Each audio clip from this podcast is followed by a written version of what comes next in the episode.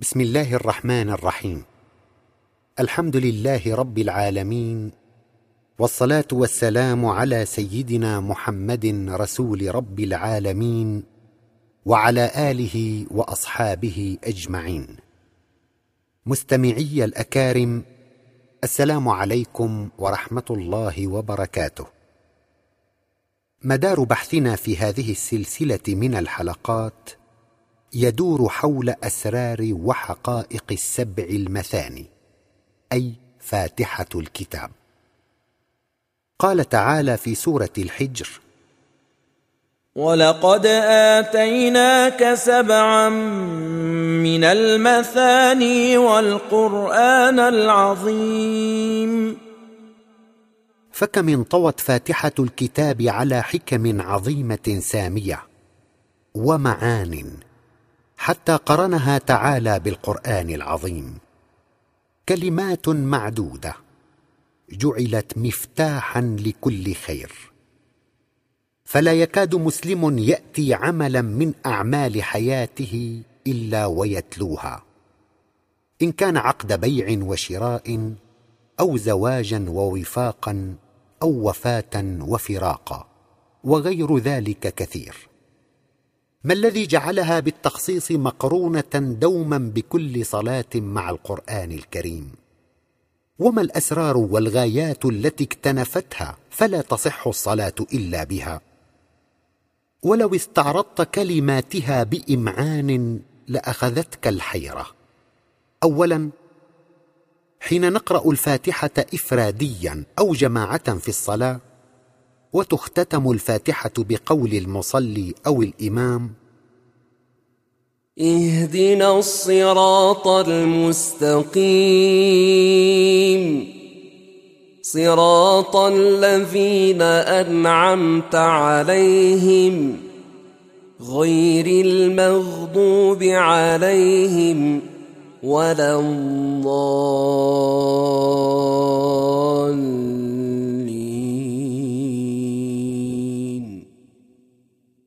يقول المصلي آمين بالصلاة الإفرادية. وأيضا يقول الإمام والمؤتمون آمين أيضا بالصلاة الجماعية. فلمن يؤمنون جميعا بقولهم آمين؟ ثانيا الصلاة صلة بين العبد وربه والظن أنه لا ثالث بينهما.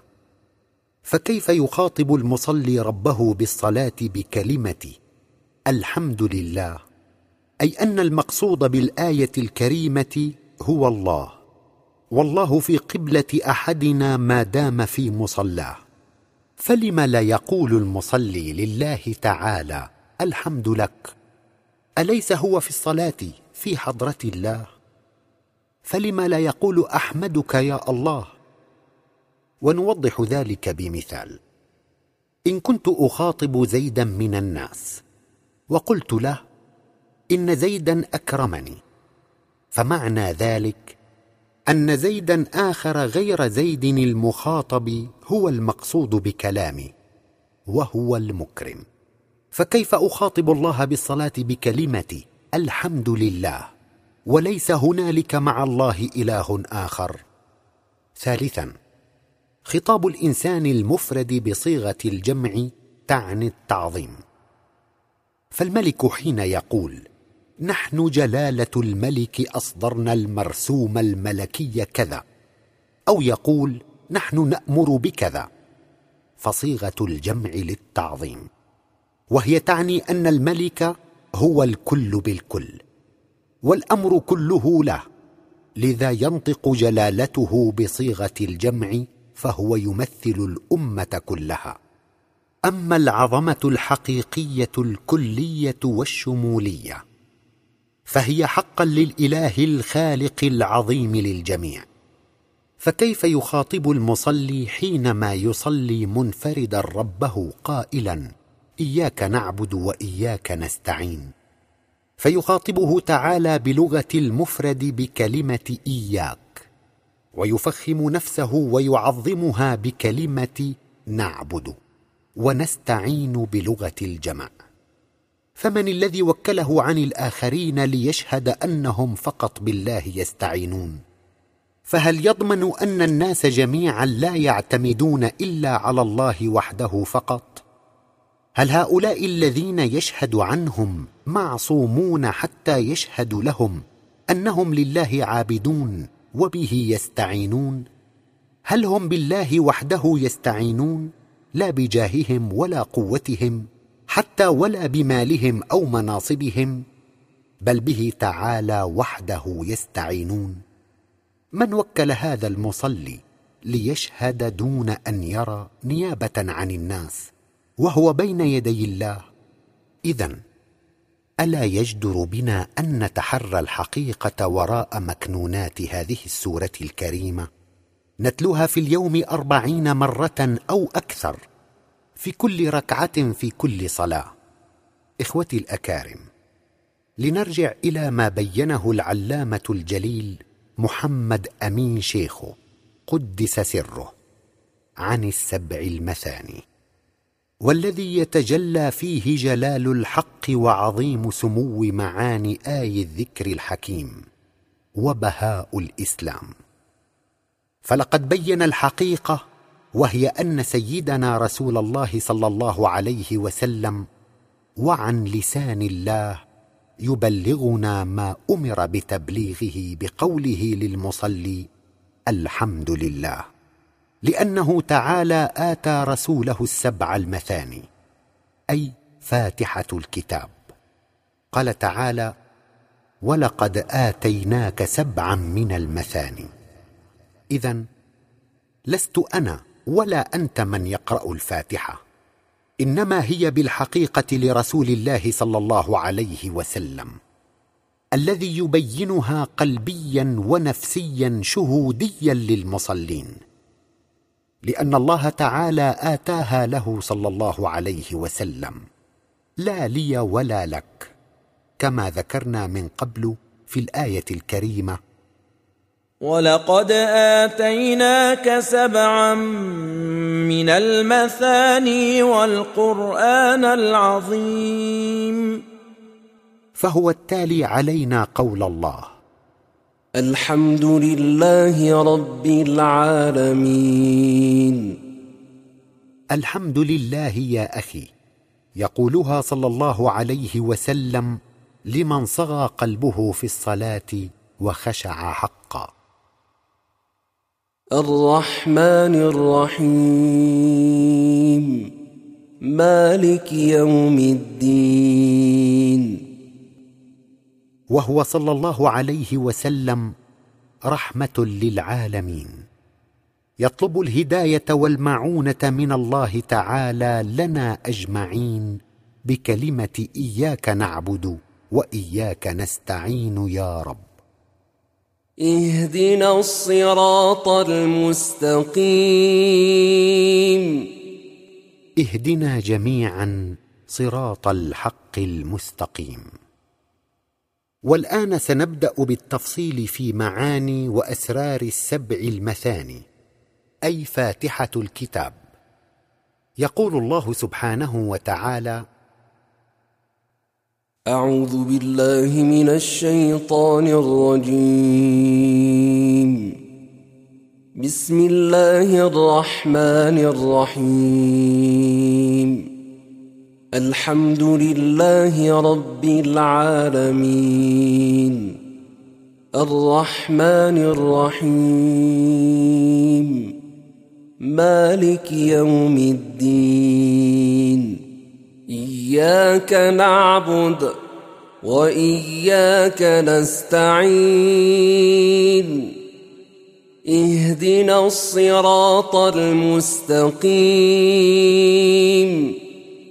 صراط الذين أنعمت عليهم غير المغضوب عليهم ولا الضالين.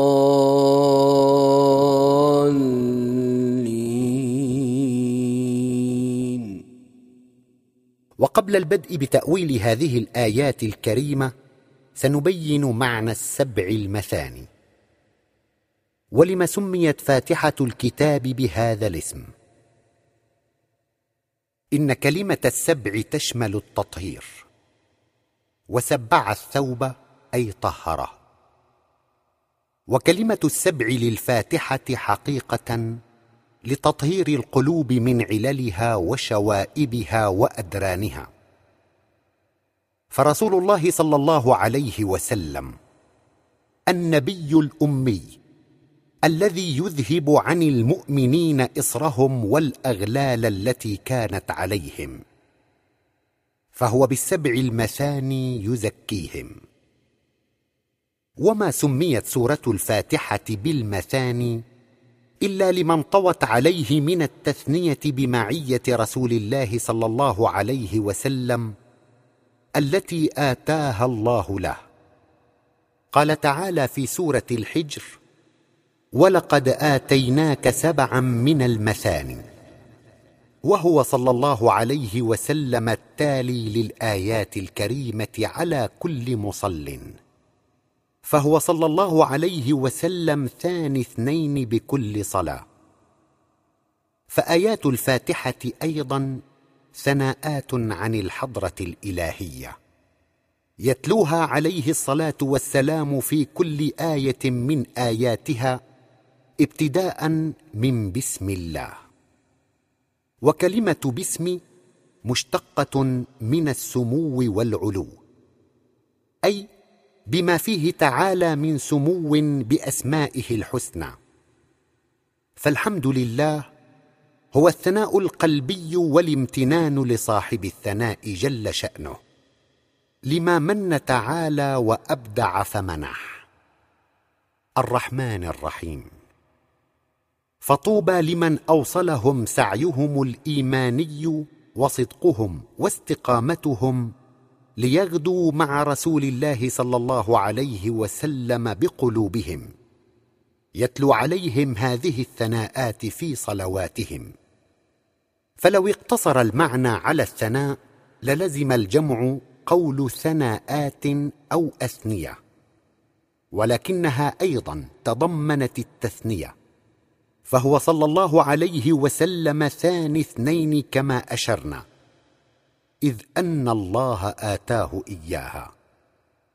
قال تعالى ولقد اتيناك سبعا من المثاني والقران العظيم.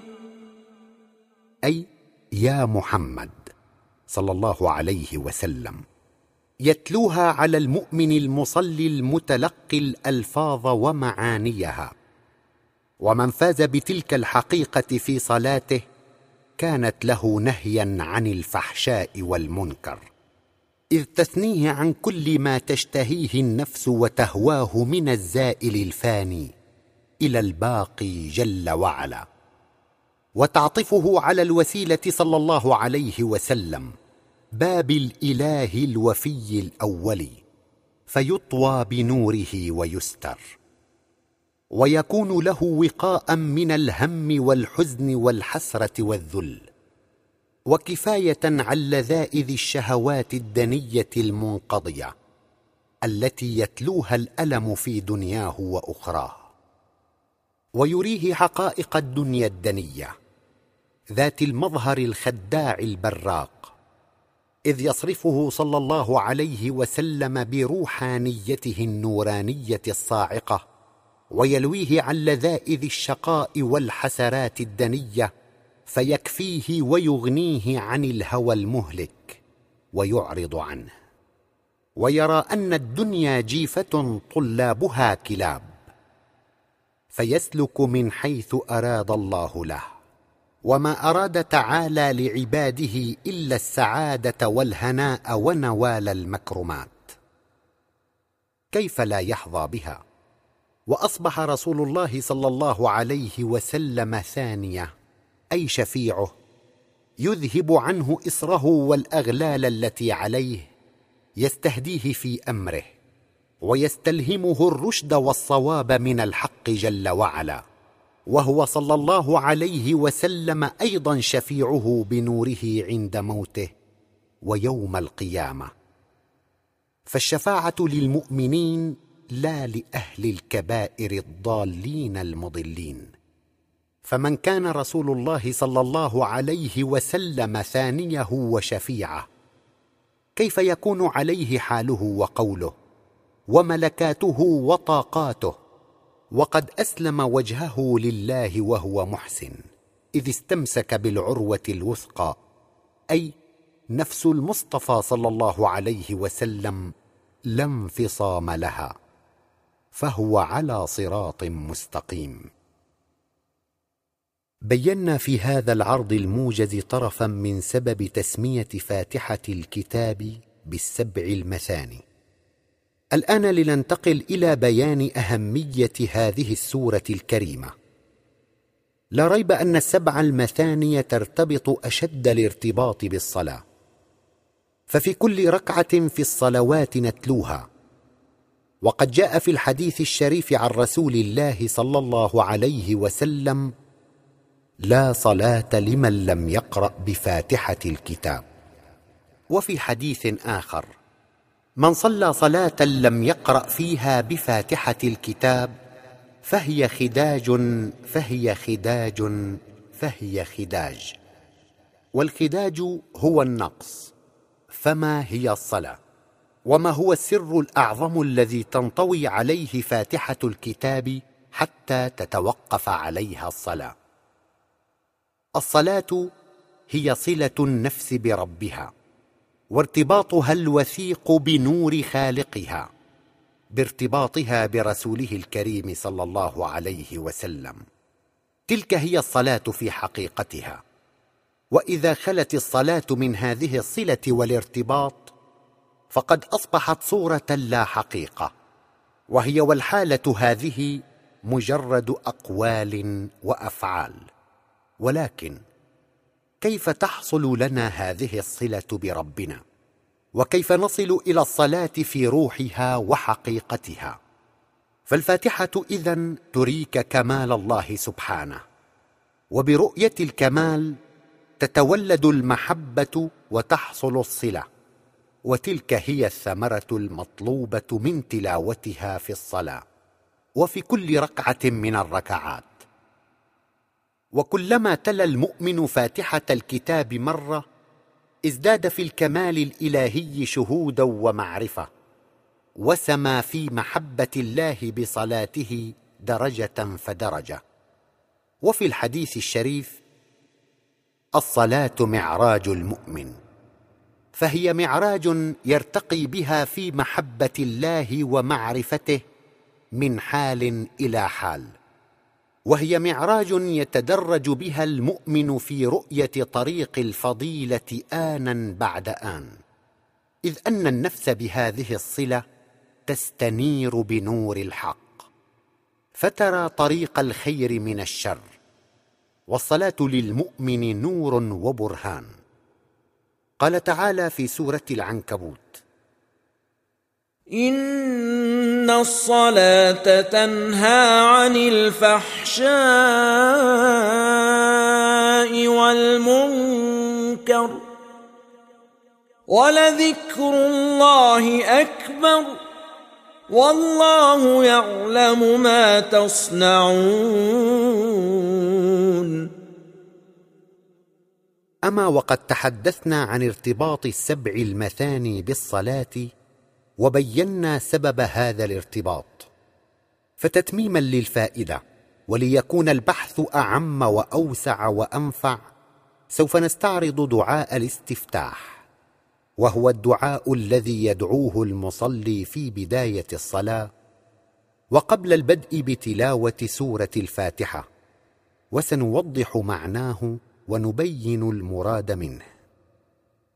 يدعو المصلي سرا بعد تكبيرة الإحرام وقبل قراءة الفاتحة فيقول وجهت وجهي للذي فطر السماوات والأرض حنيفا مسلما وما أنا من المشركين. إن صلاتي ونسكي ومحياي ومماتي لله رب العالمين لا شريك له وبذلك أمرت وأنا من المسلمين. هذا الدعاء يقوم به رسول الله صلى الله عليه وسلم الذي آتاه الله السبع المثاني.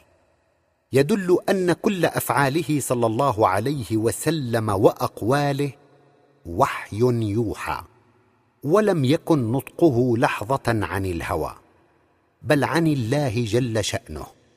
الذي علمه كما في قوله تعالى في سورة الأنعام إني وجهت وجهي للذي فطر السماوات والأرض حنيفا وما أنا من المشركين. وقوله تعالى قل إن صلاتي ونسكي ومحياي ومماتي لله رب العالمين وهذا نص دعاء الاستفتاح. فكان صلى الله عليه وسلم هاديا وداعيا وسراجا منيرا لكافة البشر وبالحال القلبي قبل بعثته.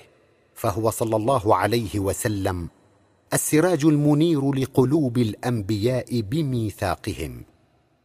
قال تعالى في سورة آل عمران واذ اخذ الله ميثاق النبيين لما اتيتكم من كتاب وحكمه ثم جاءكم رسول ثم جاءكم رسول مصدق لما معكم لتؤمنن به ولتنصرنه. قال أأقررتم وأخذتم على ذلكم إصري؟ قالوا أقررنا. قال فاشهدوا وأنا معكم من الشاهدين. من الشاهدين بالحال القلبي والقول الثابت بعد بعثته صلى الله عليه وسلم. أما ما ورد في دعاء الاستفتاح فهو دلالة لطريق الإيمان بالوجهة إلى فاطر السماوات والأرض والخلاص من الشرك. ودعوة للتوجه الذاتي. وجهت وجهي. فإن لم يستدل الإنسان بنفسه ولم يفكر بذاته فلا يمكن أن يهتدي. ومن لا يسلكه لن يكون إنسانا. ولن يكون أهلا لدخول الجنان. بل يبقى بهيما لا يعرف سبب مجيئه للدنيا. فيضيعها سدى. وهكذا. فرسول الله صلى الله عليه وسلم كان حنيفا ميالا بحب وحنان إلى الله. يدعوك أن تدخل على الله بصحبته صلى الله عليه وسلم. ليحصل لك حب وحنين إلى الله لما تراه من الكمال الإلهي. فلا تتبع بعدها كلاما غير كلامه تعالى. ولم ينل صلى الله عليه وسلم ذلك المقام العالي الرفيع جزافا بل وهب في سبيل الله كل شيء حتى حياته الشريفة. وهبها بكافة أعماله وتضحياته الإنسانية المجيدة النبيلة. وأفعاله كلها خالصة لله والدعوة إليه تعالى. ولإخراج الناس من الظلمات إلى النور. ضحى صلى الله عليه وسلم بروحه الشريفة وجسمه كما في قوله صلى الله عليه وسلم وهبت روحي وجسدي لأمتي. كما وهب صلى الله عليه وسلم نفسه الشريفة وملكاته وكافة ميوله وشهواته لله تعالى. كما في قوله صلى الله عليه وسلم والذي نفس محمد بيده. فقد تخلى عن كل شيء لذي الجلال والإكرام جل بهاه فلم يجعله تعالى رسوله جزافا بل باستحقاقه. إذ كان أول المسلمين لله تعالى والوفي الأول بحمل الأمانة العظمى. وأنت بشفاعته ومعيته القلبية بالصلاة تستفيد فائدة ما توصلت إليها عين ولا بلغ مداها سماع أذن ولا خطرت على قلب بشر. ونكتفي اليوم بهذا القدر. حيث قدمنا شرحا موجزا عن عظمة السبع المثاني ونتابع حديثنا في أسرارها ومعانيها في الحلقة القادمة بإذن الله والحمد لله رب العالمين. والسلام عليكم ورحمة الله تعالى وبركاته.